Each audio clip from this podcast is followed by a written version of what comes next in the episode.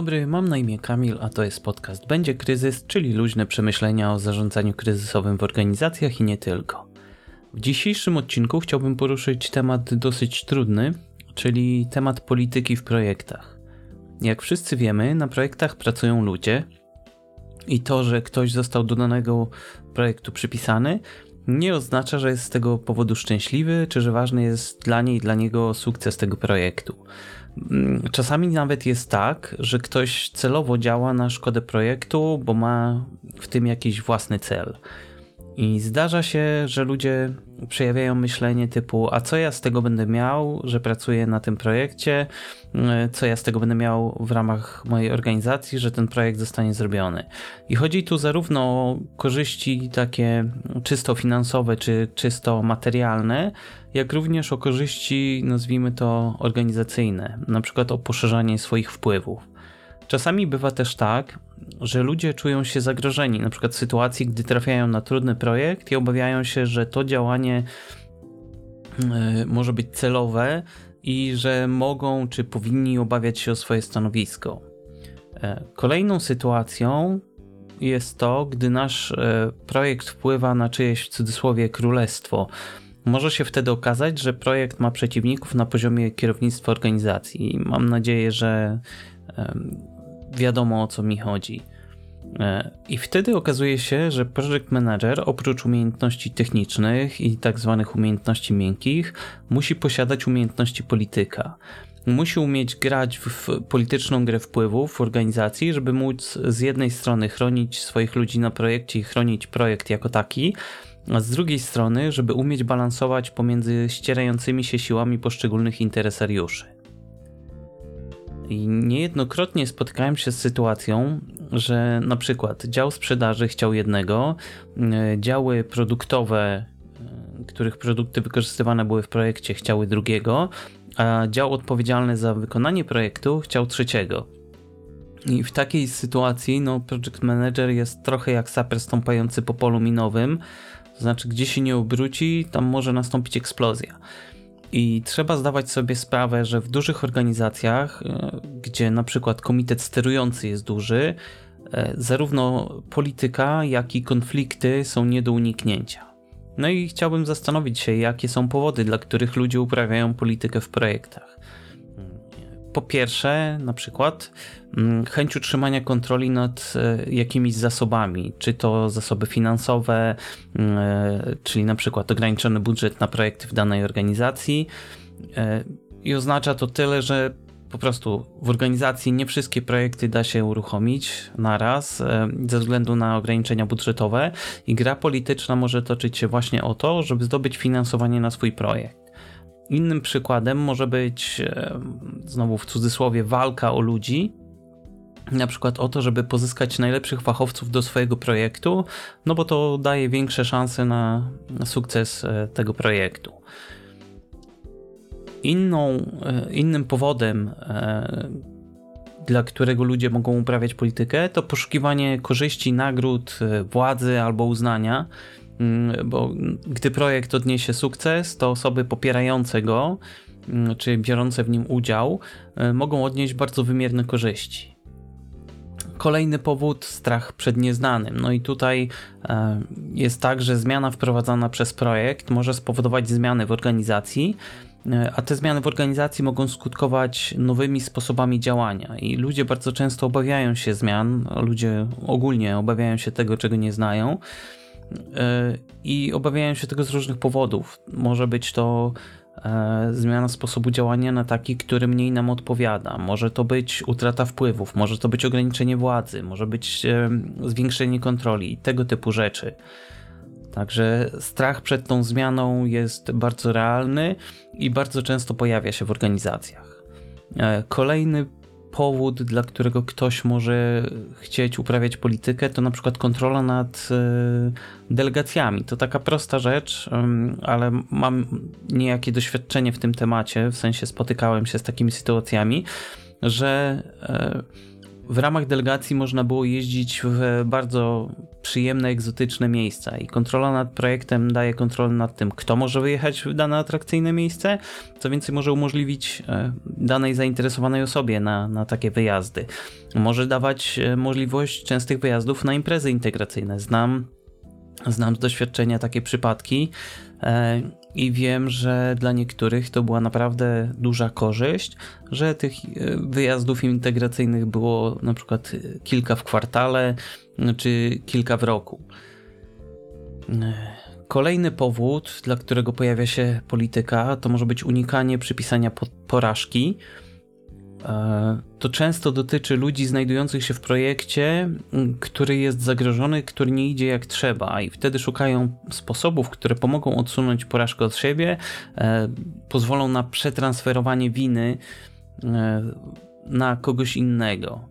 I to łączy się też z kolejnym powodem, który mam sobie tutaj na liście, czyli przed strachem przed ujawnieniem błędów. I prowadzony projekt. Może wprowadzać zmiany, e, które ujawniają błędy przez kogoś popełnione, to z jednej strony. E, z drugiej strony mogą pokazywać błędy w zarządzaniu projektem. I często takie osoby są zdecydowanymi e, przeciwnikami prowadzenia takich projektów i podejmują działania sabotujące projekt.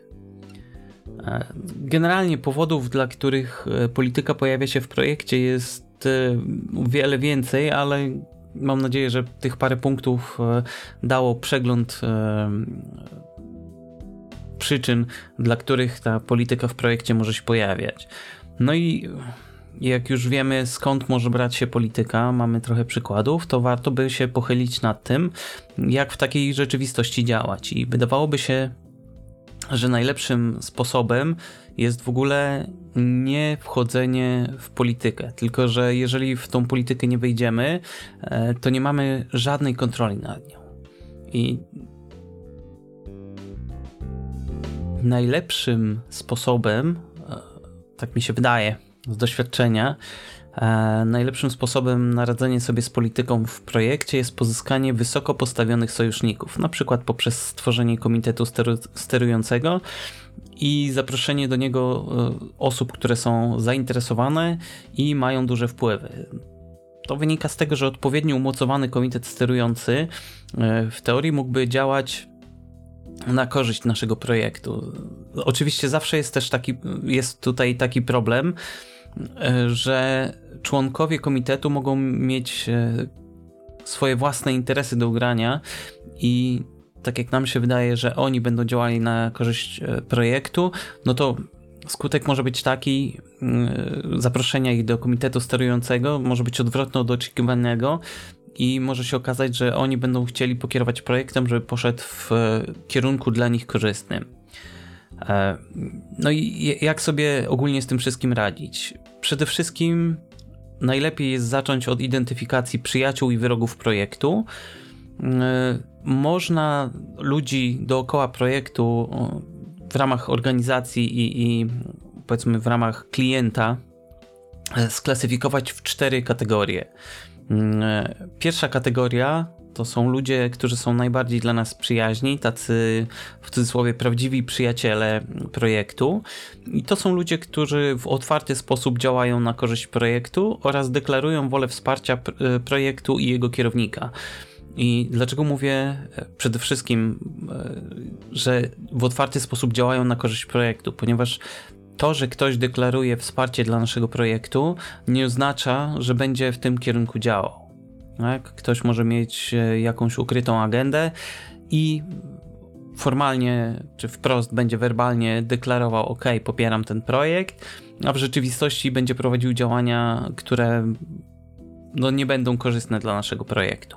Druga kategoria to są ludzie neutralni, którzy wspierają projekt lub nie szkodzą projektowi tak długo, jak e, jesteśmy w stanie im wykazać sensowność prowadzonego projektu, korzyści biznesowe z niego i aby utrzymać ich wsparcie, trzeba ich regularnie informować o postępach, e, o problemach i ogólnie o prowadzonych pracach, ale na takim poziomie, żeby ich nie znudzić, żeby, żeby nie doprowadzić do utraty e, ich zainteresowania projektem. trzecia kategoria, ludzie, którzy nazwijmy ich ludzie nieznani, o tak może, to stanowisko tych ludzi jest dla nas niewiadomą. Mogą mieć swoje plany, które nie leżą w interesie prowadzonego przez nas projektu, ale nie prowadzą aktywnych działań przeciwko projektowi. E, I oni mogą, znaczy, e, trzeba ich informować, trzeba ich trzymać na kopii korespondencji, tak to nazwijmy, e, chociażby po to, żeby nie przeszli do kolejnej, czwartej, ostatniej już kategorii, e, bo jeżeli no mogą przejść do, do tej kolejnej kategorii, jeżeli pojawią się okoliczności, które zaczynają zagrażać ich interesom. I e, ta czwarta kategoria, o której właśnie wspomniałem, to są wrogowie projektu. To są ludzie, którzy w otwarty sposób działają przeciwko prowadzonemu projektowi. Znowu, działają a nie deklarują się, bo mogą deklarować się jako przyjaciele projektu, ale działać przeciwko projektowi, wtedy tak czy owak stają się wrogiem tego projektu. I niektórzy faktycznie w sposób otwarty działa, e, deklarują, że są przeciwko danemu projektowi, to wtedy jako, jako kierownik projektu znamy ich stanowisko i wiemy, że będą reagować na każdą potencjalną szansę zaszkodzenia projektowi.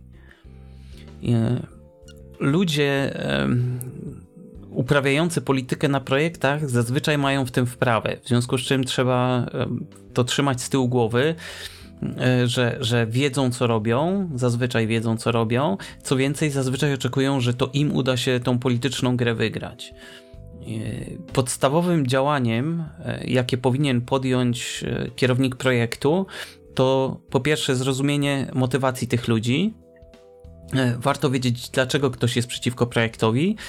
I po drugie, warto wiedzieć, jakie działania może podjąć. Warto wiedzieć, jak jest w naszej organizacji e, taka osoba umocowana. I w zależności od poziomu zainteresowania danej osoby oraz od poziomu umocowania w organizacji, możemy wyróżnić cztery rodzaje postępowania. Najważniejsze to jest, gdy umocowanie jest wysokie, gdy ktoś e, ma dużą władzę w organizacji i wykazuje duże zainteresowanie naszym projektem. Wtedy taką osobą e, trzeba się w cudzysłowie zaopiekować, trzeba ściśle zarządzać, trzeba robić wszystko, co się da, żeby taką osobę usatysfakcjonować, e, niezależnie od tego, czy jest przyjacielem, czy wrogiem. E, jeżeli jest przyjacielem, to zaniedbanie tej osoby może spowodować zmianę jej nastawienia, czyli z przyjaciela może przejść e, na, na poziom neutralny albo wręcz wrogi. Jeżeli jest wrogiem, to możemy prowadzić działania, um, które mogą zmienić nastawienie e, tej osoby, które mogą przyciągnąć ją chociażby do pozycji neutralnej, a nie w jawny sposób wrogiej. E, w przypadku, gdy ktoś jest bardzo zainteresowany, ale jego wpływy są ograniczone, jego władza nie jest zbyt wielka, to należy e, taką e, osobę informować o przebiegu projektu, ale można powiedzmy w pewnym sensie nie przejmować się opiniami tej osoby czy, czy działaniami, no bo jeżeli ma mały wpływ, no to nie jest w stanie zaszkodzić nam w projekcie. Oczywiście należy pilnować, żeby się nie okazało, że taka osoba zwiększa swoją władzę i w pewnym momencie będzie mogła bezpośrednio projektowi grozić. E, takie osoby, które są zainteresowane, ale e, mają niewielką władzę, można wykorzystać jako system wczesnego ostrzegania o potencjalnych problemach.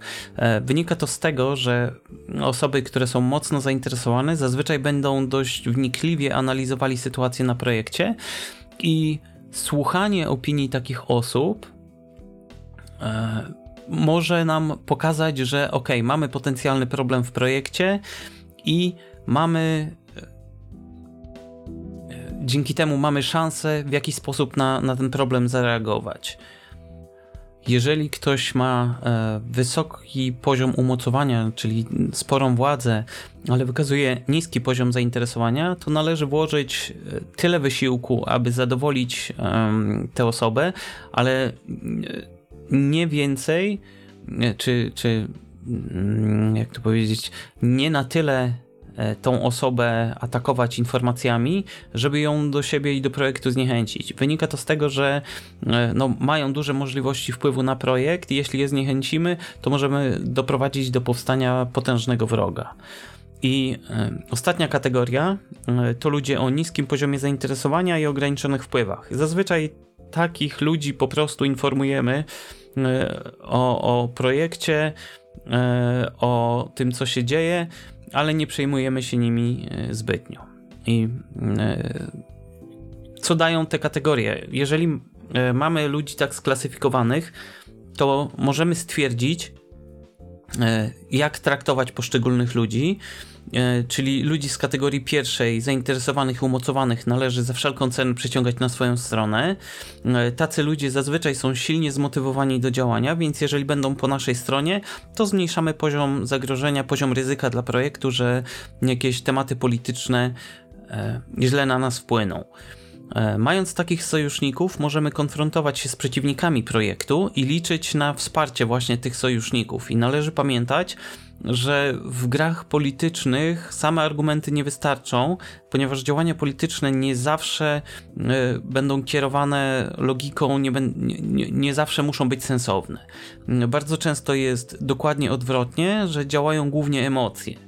Także należy pamiętać, że nie wszystkie, że, że nie zawsze e, logika będzie dominowała. Należy też pamiętać, że nie wszystkie polityczne bitwy trzeba wygrać. Jeżeli ktoś ma małe wpływy, e, to czasami szkoda prądu na to, żeby robić politykę. Robienie tej polityki, czy, czy wdanie się w tą polityczną grę, może skutkować tym, że zainteresują się tą grą osoby o większych wpływach, no i wtedy możemy mieć problem. Oczywiście sytuację trzeba zawsze monitorować, no bo tak jak powiedziałem, temat może eskalować i wtedy trzeba podjąć działania i zaangażować y, naszych sojuszników, trzeba wciągnąć naszych y, sojuszników w bitwę polityczną czy w działania polityczne i mogą nam pomóc w E, konfrontacji z naszymi wrogami. W działaniach i rozgrywkach politycznych e, kluczową rolę odgrywa komunikacja. Im lepiej jesteśmy w stanie się komunikować jako PM, tym lepiej dla nas. Łatwiej pozyskiwać sojuszników, łatwiej też przekonać do nas ludzi o neutralnym nastawieniu. E, żeby się skutecznie komunikować, warto znać strukturę organizacji, w której się funkcjonuje żeby móc oszacować wpływy poszczególnych graczy. Rzadko zdarza się tak, że w organizacjach funkcjonuje jasna struktura, która pozwala wyeskalować potencjalne konflikty polityczne na wyższy poziom. E, z mojego doświadczenia wynika, że większość organizacji działa w strukturze macierzowej, gdzie PM pozyskuje do projektu ludzi z różnych działów, e, które to działy mają swoich szefów i mają swoje własne cele, które nie zawsze pokrywają się z celami projektowymi. E, no ale dobra, wróćmy do tematu, bo tak trochę odpłynąłem. Jak sobie z polityką radzić? E, I może pójdźmy tutaj w punktach, e, czyli punkt pierwszy, najważniejszy. Zbierz jak najwięcej informacji o sytuacji politycznej w Twojej organizacji. Tutaj wiedza może dawać władzę. Władzę nad sytuacją, ponieważ będziemy wiedzieli, jak nasza organizacja funkcjonuje, jakie są koneksje polityczne i będziemy mogli tą wiedzę wykorzystać dla własnej korzyści. Drugi punkt, e, upewnij się, że wszyscy ważni uczestnicy projektu, i tu podkreślam słowo ważni, o czym już mówiłem wcześniej, że wszyscy ważni e, uczestnicy projektu w pełni rozumieją wpływ sytuacji politycznej na projekt. Jeżeli będziemy mieli jasną sytuację, to łatwiej jest nią zarządzać. Trzeci punkt, E, spróbuj spojrzeć na swój projekt oczami potencjalnego przeciwnika projektu. E, chodzi o to, żeby zrozumieć motywację. E, rozumiejąc motywację, możemy na przykład obawy wobec prowadzonego przez nas projektu mm, zaadresować może się e, zdarzyć tak, że ktoś, kto jest przeciwnikiem projektu, wiedząc, że projekt mu de facto nie zagraża, jest e, przeciągnięty do, do pozycji neutralnej, niekoniecznie sojusznika, ale chociaż do pozycji neutralnej i wtedy nie będzie nam szkodził. E, jeżeli ktoś jednak próbuje nam szkodzić, to mamy punkt czwarty. Zawieraj koalicję z sojusznikami. Bardzo często jest tak, e, że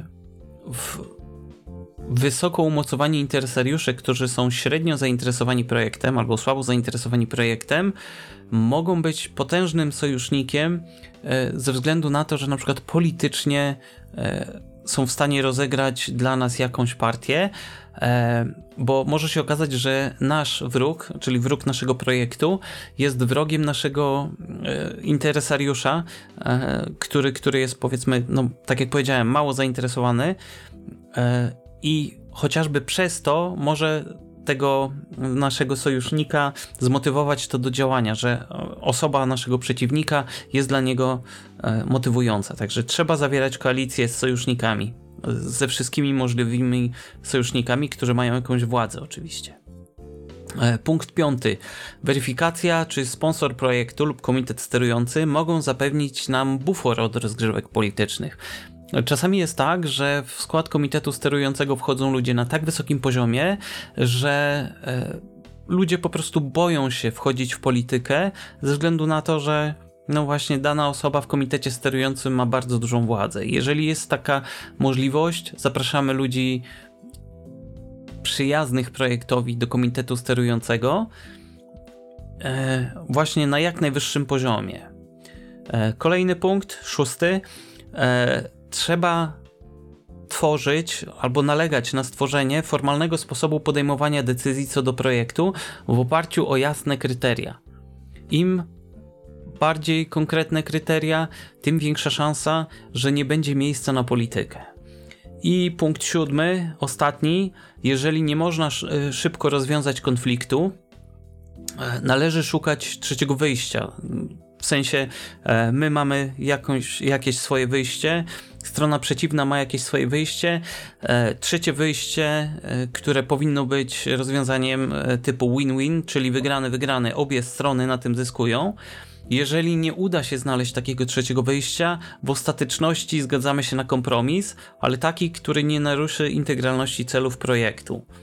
E, trzeba pamiętać, że polityka zazwyczaj daje jakiś rodzaj władzy, a władza zazwyczaj daje e, czy, czy powoduje jakieś działania polityczne i oczekiwanie, że projekt będzie się toczył w organizacji bez żadnej politycznej gry jest niestety myśleniem życzeniowym.